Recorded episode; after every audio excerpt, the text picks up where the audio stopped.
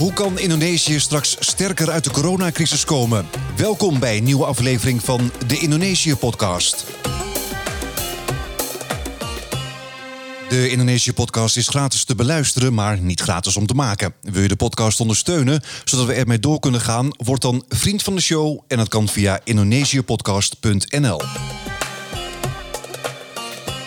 De gast is Joris van Etten en hij werkt voor de Asian Development Bank. En hij houdt zich eh, daar bezig met de stedelijke infrastructuur. Dag Joris. Je woont nu even op Bali, hè? Ja, wij zijn uh, een van de corona-vluchtelingen uit Jakarta. We hebben dus inderdaad afgelopen juli hebben de auto gepakt vanuit Jakarta. En um, uh, we zijn naar Bali gereden om een kleine vakantie te houden. Toen werd duidelijk dat de scholen in um, Jakarta ook afgelopen jaar nog steeds uh, dicht zouden zijn. Terwijl er ook de mogelijkheid toen bestond om hier in Bali uh, naar een uh, school te gaan. Een internationale school voor onze twee dochters. Dus we zijn, hebben besloten om te blijven. Um, en um, dat is natuurlijk um, eigenlijk wel heel fijn. Want als je dan toch van ergens dan maar op de wereld kunt werken, dan is Bali natuurlijk niet echt een slechte plek om, uh, om work from home te doen. Ja. Nee, zeker inderdaad uh, niet. Maar hoe gaat het op Bali als je het hebt over de coronacrisis? Er zijn twee elementen. Er is natuurlijk het medische element. Ook in onze omgeving zijn er dus mensen die, die COVID krijgen. Um, uh, dat is natuurlijk erg triest. Nu is het hier natuurlijk veel minder um, als, als in Jakarta. Maar nog steeds zijn er heel veel, toch heel veel gevallen. Uh, maar de andere is natuurlijk het economische verhaal, waar uh, heel veel mensen natuurlijk het ontzettend moeilijk hebben in, uh, in Bali. Um, en dan heb ik het niet zozeer over de, over de, ja, de grote hotels, die overleven natuurlijk wel. maar het gaat echt over de kleine hostels en de tour operators. En bijvoorbeeld hè, mensen die een lening hebben afgesloten bij de bank om een auto te kopen die ze dan zouden gaan gebruiken om toeristen rond te rijden over het eiland. En ja, er zijn geen toeristen, dus hoe betaal je die lening dan vervolgens af? Ja. Um, dus dat is uh, heel veel trieste verhalen wat dat betreft, ja. Maar hoe overleven zij? Want Bali is natuurlijk voor een groot deel afhankelijk inderdaad van de inkomsten van het toerisme. De heropening is opnieuw uitgesteld. Hoe overleven al die kleine uh, restaurantjes, kroegjes, de chauffeurs? Ja, je hebt, ik denk dat er daar ook weer twee dingen zijn. Hè. Je hebt, aan de ene kant heb je dus nog steeds wel plekken op Bali die eigenlijk relatief normaal doordraaien. En dat is waar wij zitten, bijvoorbeeld Canggu, dat is aan de westkust net boven Seminyak. Er zitten dus heel veel digitale nomads en mensen zoals ik die dus vanuit hier werken. Um, daar, zijn eigenlijk, daar komen iedere dag nog nieuwe restaurants bij. En dan heb je Nusa Dua of je hebt um, Kuta. Maar ook echt verder het uh, eiland op. Daar is het natuurlijk ontzettend, ontzettend rustig. En wat doen de mensen daar die dus geen inkomsten hebben? Ja, die gaan terug naar de kampong of de dessa uh, werken in de landbouw. Veel mensen waren natuurlijk, die zijn ook vanuit andere eilanden in, uh, in Indonesië naar Bali gekomen. En die zijn vervolgens weer uh, nu ook terug naar, naar huis. Het is heel dubbel om dus hier in die bubbel te zitten van Canggu. Mm -hmm. Maar terwijl je ook weet dat er heel veel mensen dus het ontzettend moeilijk hebben op, op Bali. Ja.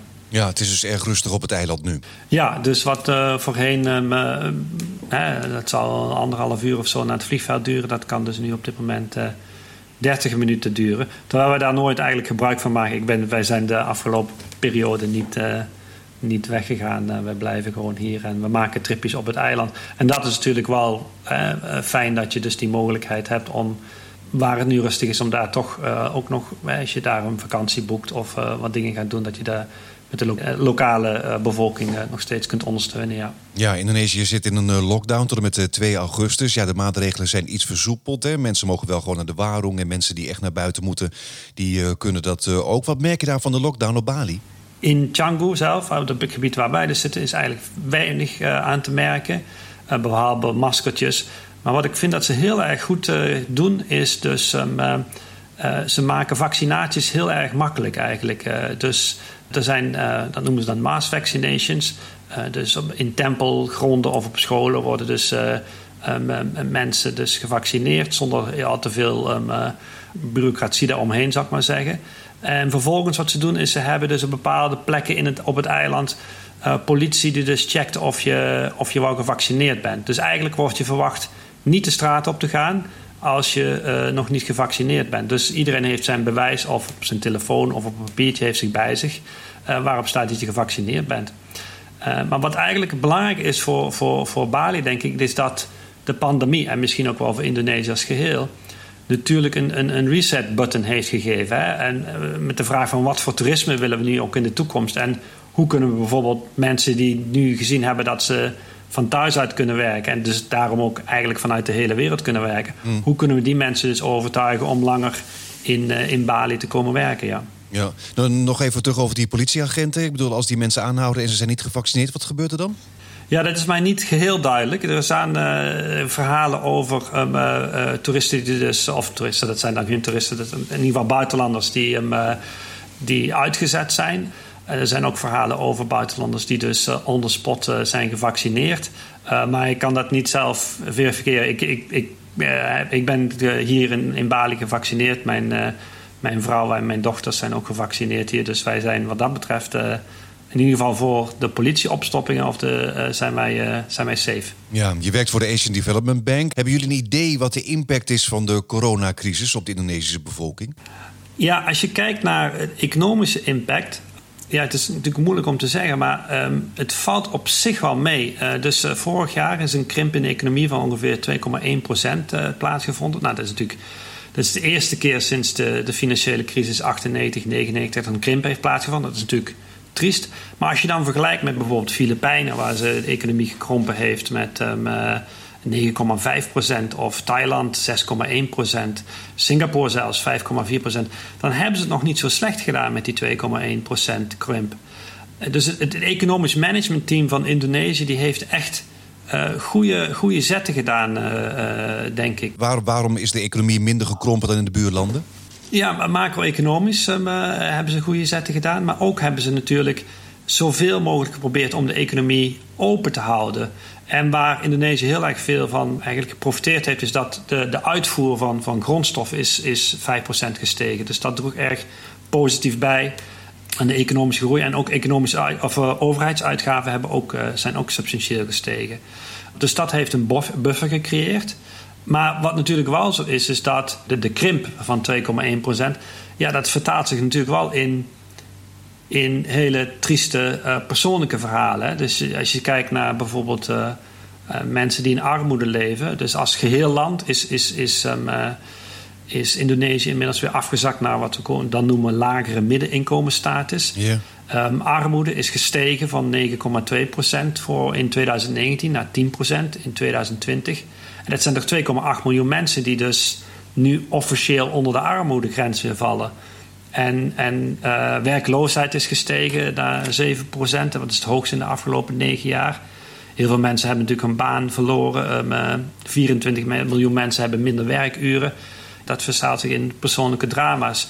Uh, maar het overal is dus dat het managementteam, uh, het economisch managementteam van, van Indonesië, door hun ervaringen met voorgaande crisissen echt wel goede zetten heeft gedaan. Onder andere door hun eigen ondersteuningsmaatregelen, die dus grote klappen hebben toch ook uh, gedempt, ja. Maar het was Indonesië juist gelukt om meer mensen uit de armoede te halen. Dus meer mensen die boven die armoedegrens uh, leefden. Maar dat is dus weer een beetje teruggeworpen. Ja, en, en, en je hebt natuurlijk de armoedegrens. Maar daarboven zit er dus een hele grote groep mensen die dus... Er hoeft maar een klein beetje te gebeuren. En dan zakken ze uh, dus weer onder de armoedegrens. En de cijfers die ik je net deelde waren de cijfers van vorig jaar... En nu met die toch wel hele uh, onverwachte piek afgelopen juni, juli. Um, en, en de lockdowns die daarmee zijn gekomen. Kan ik me niet anders voorstellen dat er in, in dit jaar weer um, heel veel mensen dus onder die arme goede grens uh, zullen duiken. Ja. Je, je zei het al, het economisch team heeft het eh, goed gedaan. Maar daar was ook juist veel kritiek op. Dat Indonesië eigenlijk te weinig ingreep. En uh, de economie uh, voorrang zou geven. En daarom het land zo open mogelijk heeft gehouden. Maar economisch gezien was dat dus helemaal niet zo'n slecht idee. Precies. En het, gaat over hè, de balans tussen life en livelihoods. Ja? En, en, en zeker met een land zo ontzettend groot als Indonesië. Waar een heel aantal mensen in de informele sector werken die dus voor een, voor, een, voor een levensonderhoud de straat op moeten, ja, is dat toch eigenlijk, uh, hebben ze dat redelijk goed gedaan. Uh, nogmaals, ik wil niet eh, zeggen dat die mensen het niet ontzettend moeilijk hebben. Maar um, op een of andere manier um, zijn er toch besluiten genomen die, die, als je kijkt naar macro-economisch, dat het, dat het goed gegaan is, ja. Ja, want strenge lockdowns zijn in het land als Indonesië natuurlijk ook bijna onmogelijk. Hè? Waarin mensen toch de straat op moeten om hun dagelijkse eten bij elkaar te verdienen.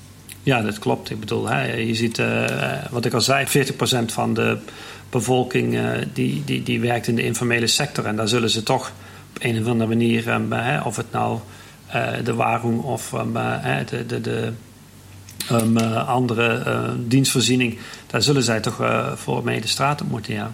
Wat voor steunmaatregelen zijn er eigenlijk in Indonesië? Ja, dus die sociale steunmaatregelen, dat um, is heel anders natuurlijk als wat wij in, in Nederland uh, kennen, waar alle prachtige afkortingen waar ik um, ja, niet veel van weet. De TVL, de NOW, ja.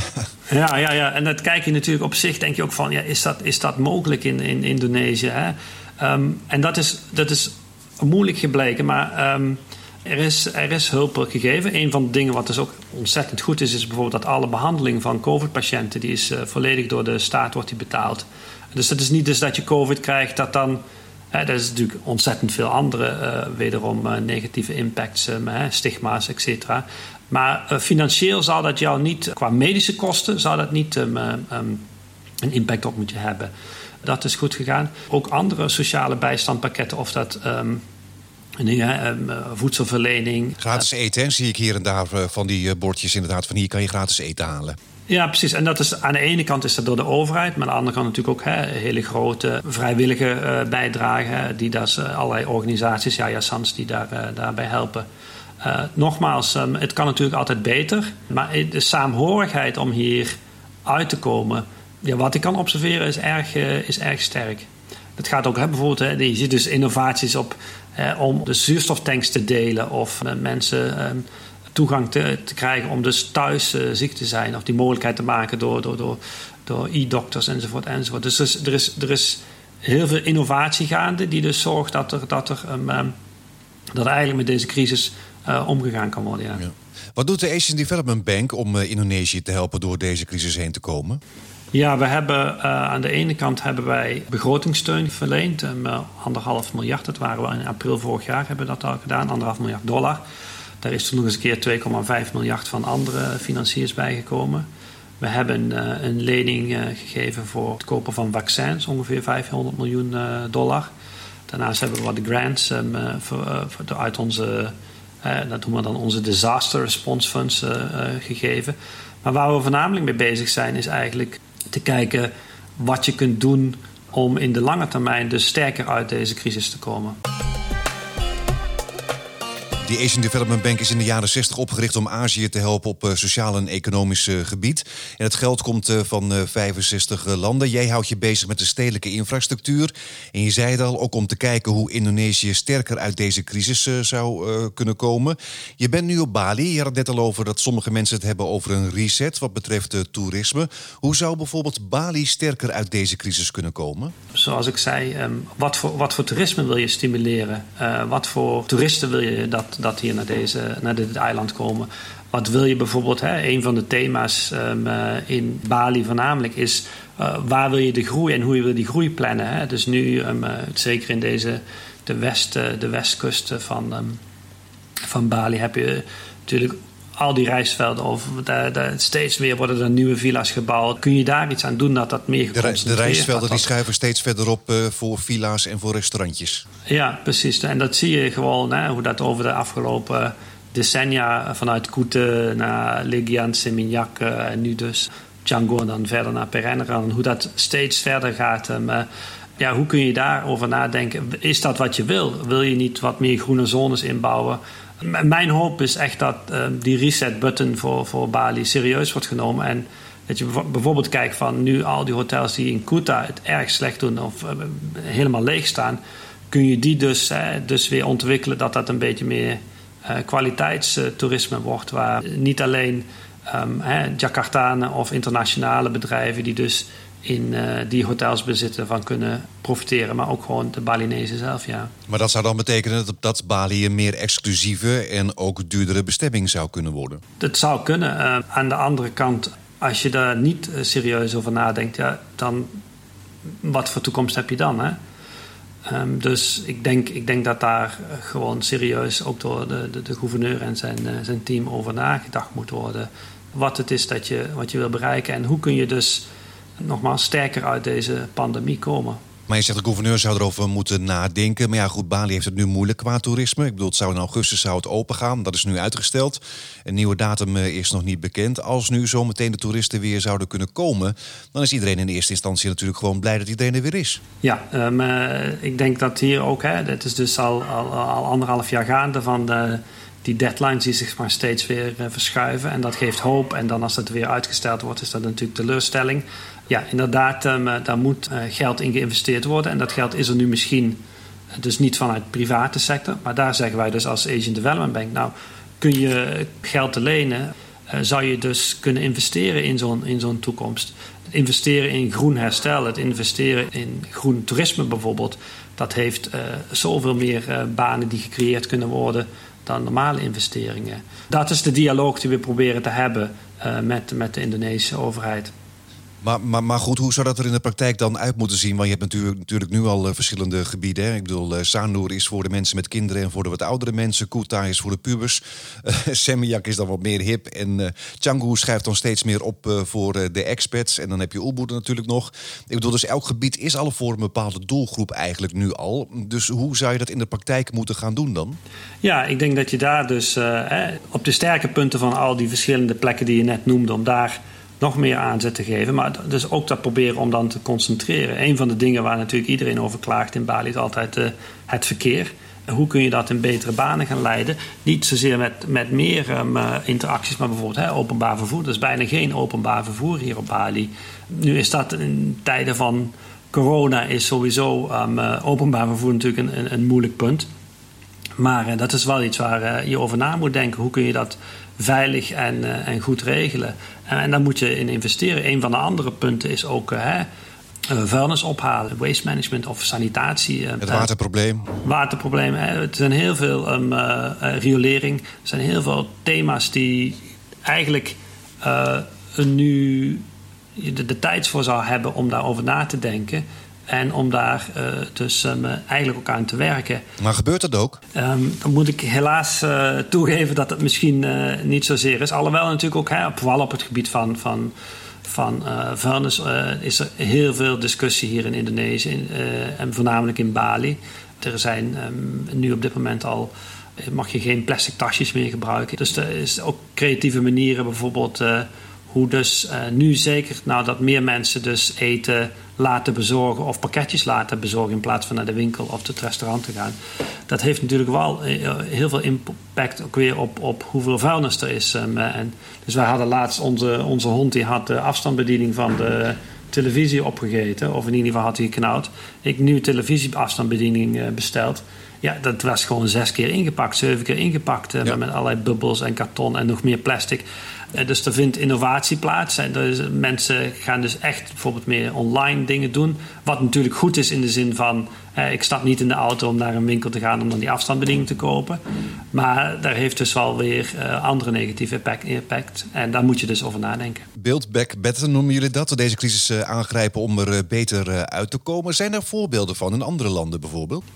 Ja, absoluut. Um, um, eigenlijk het thema van um, Build Back Better is ook niet nieuw voor Indonesië. Dat heb je na iedere ramp, of dat nou de tsunami in Aceh of dat uh, nu de, de earthquake, uh, tsunami en liquefactie in uh, Centraal Sulawesi was.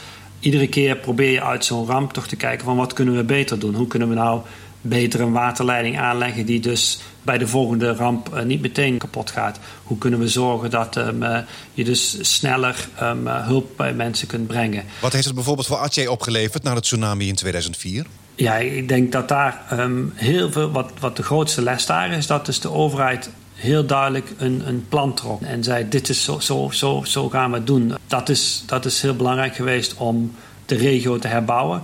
En daarnaast natuurlijk de aandacht die daarbij ook bij besteed is om dus ook te kijken van wat kunnen we doen om het vredesproces in Aceh te stimuleren. Ja, de gevechten tussen de onafhankelijkheidsstrijders van de GAM en het Indonesische leger, wat toen al uh, meer dan 25 jaar duurde. Klopt, ja. ja. Dus, uh, en, en je ziet dat hè, in Centraal Sulawesi, waar wij ook betrokken bij zijn, wij herbouwen daar een universiteit die dus ook meteen als een tsunami-shelter kan gebruikt worden. Dus gewoon te zorgen dat die, het gebouw zo dermate stevig wordt gebouwd dat je het kan dus. Um, uh, aardbeving, maar ook tsunamis weerstaan.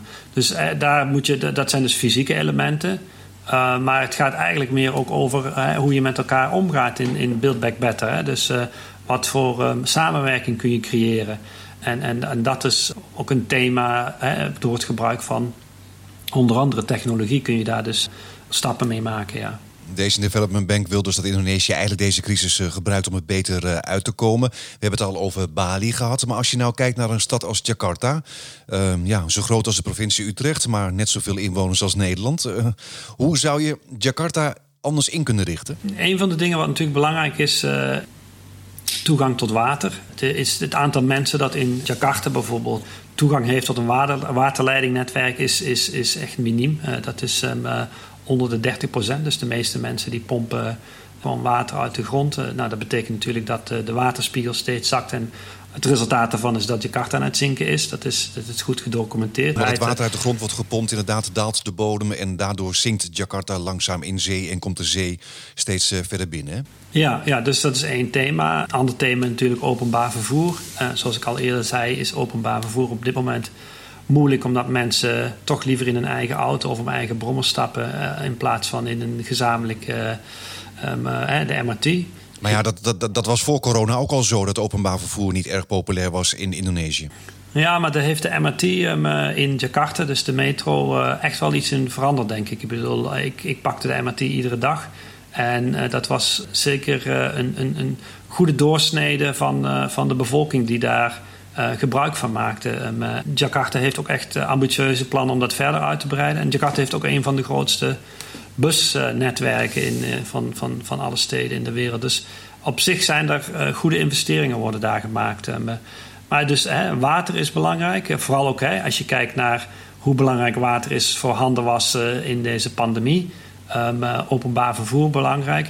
Maar wat wij ook heel belangrijk vinden is dus openbare ruimte. Hè? Plekken waar mensen kunnen recreëren, plekken waar mensen met elkaar um, uh, kunnen sporten. En een van de dingen die je daar ziet natuurlijk is dat um, een enorme groei in mensen die dus um, zijn gaan fietsen um, in Jakarta. Voornamelijk Aha. voor sport en recreatie. Ja, fietsen is sport hè, in Indonesië. Niet om uh, van A naar B te komen. Nee, niet om bij de lokale hero of bij um, andere supermarkten je, je, je reis te kopen, inderdaad. Maar het is, het is wel een, een, een, een, een, een transitie, moet ik zeggen. Um, het is echt uh, ontzettend populair. Um, uh, ja, het feit dat hij dan in zo'n, op zo'n kleine vouwfietsjes met uh, grote helmen en flitsende uniformpjes zitten en toch langzamer rondrijden als, als mijn moeder die naar de Albert Heijn gaat. Ja, dat is natuurlijk een ander soort van fiets als wat wij in, in Nederland kennen. Maar het is natuurlijk wel een, een stap uh, de goede richting op. Ja, maar het klinkt idealistisch. Hè? Ik bedoel, uh, water inderdaad, daar zijn ze ook al heel lang mee bezig. Nederlandse experts die zijn ook al bezig geweest met hoe ze het waterprobleem zouden moeten oplossen. Maar dan vooral inderdaad om het zinken van Jakarta op, op te lossen. Ik zei het al, 17 miljoen mensen in Jakarta. En als je dan de omgeving meet, dat kom je op 30 miljoen. Dan is, zijn dit soort plannen toch bijna in zo'n stad onmogelijk? Ja, onmogelijk is eh, dit is een grote opgave. Onmogelijk is, is een, een, een, uh, een woord wat. Ja, dat zou, daar zou je dus echt depressief van worden natuurlijk. Ja, het komt natuurlijk wel voor, maar je moet, hè, je moet toch de, de juiste richting in werken. Um, uh, hè, dus dus wij zien gewoon dat de overheid nog steeds bij ons aanklopt om, voor leningen om dus watervoorziening en, en dus ook um, riolering aan te leggen. Dat in, in, in veel steden eh, in de hele wereld is dat ook niet van één dag op de volgende dag uh, verbeterd. Ik bedoel, Londen die heeft ook ongeveer 150 jaar over gedaan voordat ze een goed uh, rioolnetwerk hebben opgebouwd. Wat ook het gevo- de, eerste stappen daarvoor zijn ook gezet na um, grote gezondheidsepidemieën in de 18e en 19e eeuw. Dus het gaat er wederom om hoe kun je dus deze huidige crisis gebruiken om stappen te maken de goede richting in. Ja, maar veel Indonesiërs werken nog altijd in de informele sector. Ik bedoel, die moeten ook de straat op uh, om daar met hun warung, uh, met, met, van alles en nog wat op straat uh, allemaal te doen. Dus dat zal ook wel moeten blijven en daar zou ook ruimte voor moeten blijven. Ja, klopt. Hè. En daar, daar, dat zeggen wij dus ook van, hoe kun je daar ruimte voor creëren? Hè? Um, en daar was op een gegeven moment één ding wat, wat ik altijd ontzettend interessant heb gevonden, waren dus de autovrije zondagen, waar dus echt honderdduizenden mensen op zondag op uh, bij elkaar kwamen. En dat werd op een gegeven moment een, soort een enorme passaar. En, en, en waar dus allerlei mensen van allerlei dingen aanboden. Op een gegeven moment heeft de overheid daarvan gezegd: ja, dat, dat, dat kan niet meer, dat mag niet meer. Eigenlijk is dat natuurlijk triest, omdat. omdat nogmaals, dat is een mogelijkheid voor mensen om bij te verdienen. Dus eh, hoe, wat voor ruimte kun je, fysiek kun je ruimte kun je bieden om dus vraag en aanbod bij elkaar te brengen. Aan de andere kant heb je natuurlijk ook dat digitale, of het nou uh, Tokopedia is of andere apps, waar dus die kleine verkopers toch ook weer um, hun, hun, hun klanten op apps kunnen, kunnen vinden. Hebben die daar toegang toe? Want, want, want je merkt inderdaad, waarom verdwijnen ook op steeds eh, meer plekken. Ik bedoel, ik weet nog in uh, Kamangraya, daar was, uh, zat een oud vrouwtje waar ik altijd sigaretten kocht. En die was op een gegeven moment was ze weg. Want er was er een stoep was er aangelegd waar mensen moesten lopen. En, ze, en zij mocht daar dus niet meer zijn. Ja, dat is voor ons, dat is een van ons een van de, de, de, de grote uitdagingen als, als, als multilaterale investeringsbank. Dus moeten wij voldaan aan, aan, voldoen aan, aan ontzettend strenge uh, social safeguard regelingen. En dat is natuurlijk in Indonesië is dat erg ingewikkeld, omdat daar hm, volgens lokale um, overheid wordt daar misschien wat minder uh, streng mee omgegaan. Uh, maar er, gaat, hè, er zijn dus ook voorbeelden, bijvoorbeeld um, de huidige president Jokowi, die was um, natuurlijk zijn eerste was hij burgemeester in, in Solo. En daar heeft hij ontzettend goed uh, voorbeeld uh, uh, voor gezorgd. Dat, hoe daar dus met die informele sector. Hij moest een markt moest hij, wilde hij gaan renoveren. En toen heeft hij dus hoe hij dus daar met mensen heeft gezeten. En vervolgens tijdelijk dus mensen dus op een andere plek heeft gebracht. En toen vervolgens weer terug heeft gebracht naar, die, naar die gerenoveerde markt. Dus er zijn wel mogelijkheden. En, en, en ook heeft de president zelf daar natuurlijk als als, als burgemeester eh, van Solo uh, goede voorbeelden gezet heeft. Dus het, het kan wel. Ja, maar hoort het toch niet een klein beetje bij Indonesië, al die warungs overal, dat mensen op straat leven en dat het toch een beetje een uh, georganiseerde chaos is? Ja, natuurlijk. natuurlijk. En, maar ook daarna, een van de dingen waar wij nu naar kijken, um, is ook bijvoorbeeld, hè, je hebt die jongens die um, door, de, door de wijken lopen om vuil op te halen. Die gaan dus kijken van uh, wat, wat, wat voor vuil is er waar je... Wat kunnen ze verkopen? Um, wat kunnen ze nog verkopen? Maar die jongens die rijden dus op hun brommetjes rond uh, de hele dag. En die kijken in de vuilnisbakken die aan de straat staan. Nou, dat kan natuurlijk eigenlijk efficiënter in de zin van een soort Gojek-app... waar, je zie, ja, waar je kijkt van, hè, ik heb iets aan te bieden als, als iets wat hergebruikt kan worden. En zo'n persoon die kan op zijn app zien van... hé, hey, um, dat is interessant, dat wil ik wel opkomen halen. Dus wederom, hoe kun je dus technologie gebruiken om die informele sector...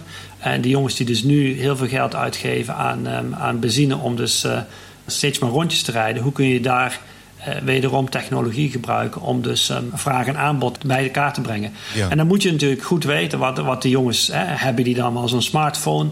Nou, dat hebben ze niet allemaal. Dus hoe kun je dan uh, normaal ouderwetse telefoons gebruiken om diezelfde diensten uh, te verlenen? Uh, dan moet je dus goed begrijpen wat deze mensen, die vuilnisophalers, die informele uh, vuilnisophalers, wat, dat, wat, wat het hun drijft en, en wat hun mogelijkheden zijn en wat hun onmogelijkheden zijn. Ja. ja, dus eigenlijk de stad anders inrichten zodat je minder verkeer hebt, meer groen hebt en dat mensen echt uh, rechtstreeks van A naar B gaan in plaats van uh, ja, gewoon op straat zijn. Waarom is Indonesië, ik begrijp dat jij ook in Indonesië enthousiast bent, waarom is Indonesië nou leuk en interessant, is natuurlijk die, die, die, die, die informaliteit. En ja, is klopt. De... Het zou juist jammer zijn als, als het een soort Nederland zou worden, toch? Natuurlijk.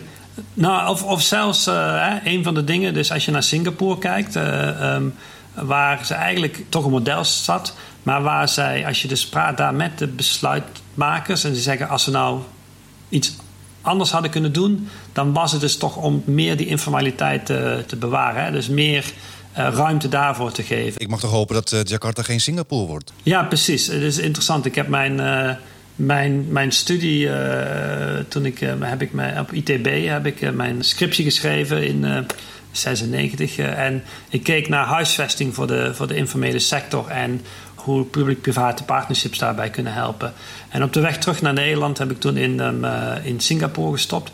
En ik was um, inderdaad helemaal verbaasd van ja, daar is het allemaal goed geregeld. Maar is dit nou echt wat de stad die je wil? Is Ja. dat uh, de, de, de, de dynamiek mis je gewoon uh, Klopt. wat dat betreft? De Uh, energie. ja, de energie. Dus hoe hou je de, de diversiteit, de, de energie, zoals je zegt. Hoe hou je die vast in steden? Want dat is echt wat ook de stad natuurlijk van elkaar onderscheidt. En, en zo leuk maakt ook. Precies, en waarom toeristen uiteindelijk weer naar zo'n, als we nou toch over toerisme praten, naar zo'n stad zullen gaan. Hè? Die gaan niet naar eh, een stad omdat het allemaal zo ja, mooi en schoon is, eh, maar die gaan naar een stad omdat het is, dat moet iets te doen zijn. Maar goed, er zijn plannen voor een eh, nieuwe hoofdstad op Kalimantan, om Jakarta inderdaad een beetje te ontlasten. Zou dat in dit plan ook gaan werken om de regeringsgebouwen dan naar een andere plek te verhuizen, zodat er inderdaad minder mensen zijn en minder overheid daar en op een andere plek?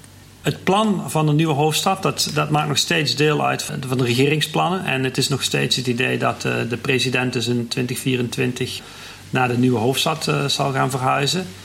Dat was dus echt een thema het eerste kwartaal 2020. En na pandemie um, uh, is dat toch eigenlijk afgezakt. Hè? Um, en is het plan eigenlijk staat in de ijskast. Eh, ik heb ook ehm, in het begin van 2020 ben ik naar de plek kunnen gaan waar de, de, de nieuwe hoofdstad gepland is in Kalimantan. Ja. Het is een ontzettend heuvelachtig uh, terrein. Ja, het is een palmolieplantage. Ja, de sociale en milieuaspecten van zo'n stad verhuizen, zo'n hoofdstad verhuizen, dat is natuurlijk enorm, uh, enorm. ja, en zeker ook nu hè, met de nieuwe manier van werken. Of dat, of dat nu nog echt zal gaat gebeuren, dat ligt eigenlijk aan wie de volgende president zal zijn. Uh, en als hij, want dat staat in ieder geval vast dat het een hij is, de nieuwe president. Maar als hij dus echt daarachter blijft staan, dan, dan zal dat misschien gebeuren. Maar anders is het toch een, uh, meer een idee, een politiek idee van, van de huidige president. Wat, het is ook niet de eerste keer dat het bedacht is. Nee, maar, maar, maar zou zoiets helpen om Jakarta te ontlasten? Nou, Jakarta blijft natuurlijk altijd uh, de economische eh, hoofdstad, cultureel, voor onderwijs. Um, uh, er zijn helaas niet zoveel goede voorbeelden van, van hoofdsteden die verplaatst zijn. en natuurlijk, ja, beginnen met een nieuw plan om een nieuwe stad te creëren. daar, daar, daar, zitten interessante punten aan. Maar Jakarta zal toch altijd wel um, Jakarta blijven en, en een centrum van het land blijven. En hoe kun je daar dus zorgen om in Jakarta om eh, sommige van de thema's die we eerder bespraken. Hoe kun je zorgen dat Jakarta dus blijft, beter blijft of beter gaat functioneren? Ja. Ja, want alle buitenlandse ambassades eh, die nu in Jakarta zitten, zouden dan ook uh, moeten verhuizen. Ja, alle ambtenaren zouden uh, moeten verhuizen. Maar ja, die zullen dan misschien in de weekenden toch wel weer naar Jakarta vliegen, omdat daar de vrienden zitten en omdat daar de levendigheid misschien ook is.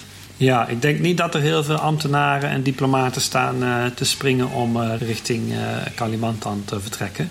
En dat is ook misschien ook wel de reden dat op dit moment het, er niet zo'n heel veel vaart meer in zit in de plannen. er is officieel, zoals ik zei, is het, is het nog niet van de tafel. Uh, sommige mensen zeggen dus juist van ja, de pandemie is juist een thema. Uh, waarom het nu zo um, een nieuwe hoofdstad zo, die dus veel meer gebaseerd is op, op wandelen en openbaar vervoer enzovoort enzovoort. Waarom het, waarom het juist goed zou zijn. Maar als je echt kijkt wat de lokale bevolking daarover bedenkt en wat er um, uh, mensen verzinnen over de toekomst van de hoofdstad, ja, dan denk ik toch niet dat er heel veel mensen daar um, erg enthousiast over zijn. Nee, dus beter richten op Jakarta. Maar goed, jaarlijkse overstromingen, heel veel mensen. elk jaar komen er weer meer mensen bij. Ja, dat gaat nog jaren duren natuurlijk inderdaad voordat je Jakarta wat dat betreft dan op orde hebt. Ja, maar kijk nu. Ik bedoel, hè, nu hebben mensen dus ontdekt dat ze van thuis kunnen werken. Terwijl voorheen veel mijn van mijn collega's die waren gewoon twee uur bezig om uh, van huis naar werk te gaan en weer terug. En, en die hebben nu ontdekt dat het eigenlijk helemaal niet hoeft. Dus... Maar, dat zijn, maar, maar, maar dat zijn de hoge opgeleiden. Dat zijn de mensen die naar een kantoor gaan. Niet iedereen gaat naar een kantoor natuurlijk. Ja, maar dat zijn wel de mensen die in een auto zitten. Zeker als er nog geen metrolijn ligt. Die dus helemaal uit, uh, uit Depok of Bekassi of zo uh, aankomen rijden. En dan vervolgens weer terugrijden.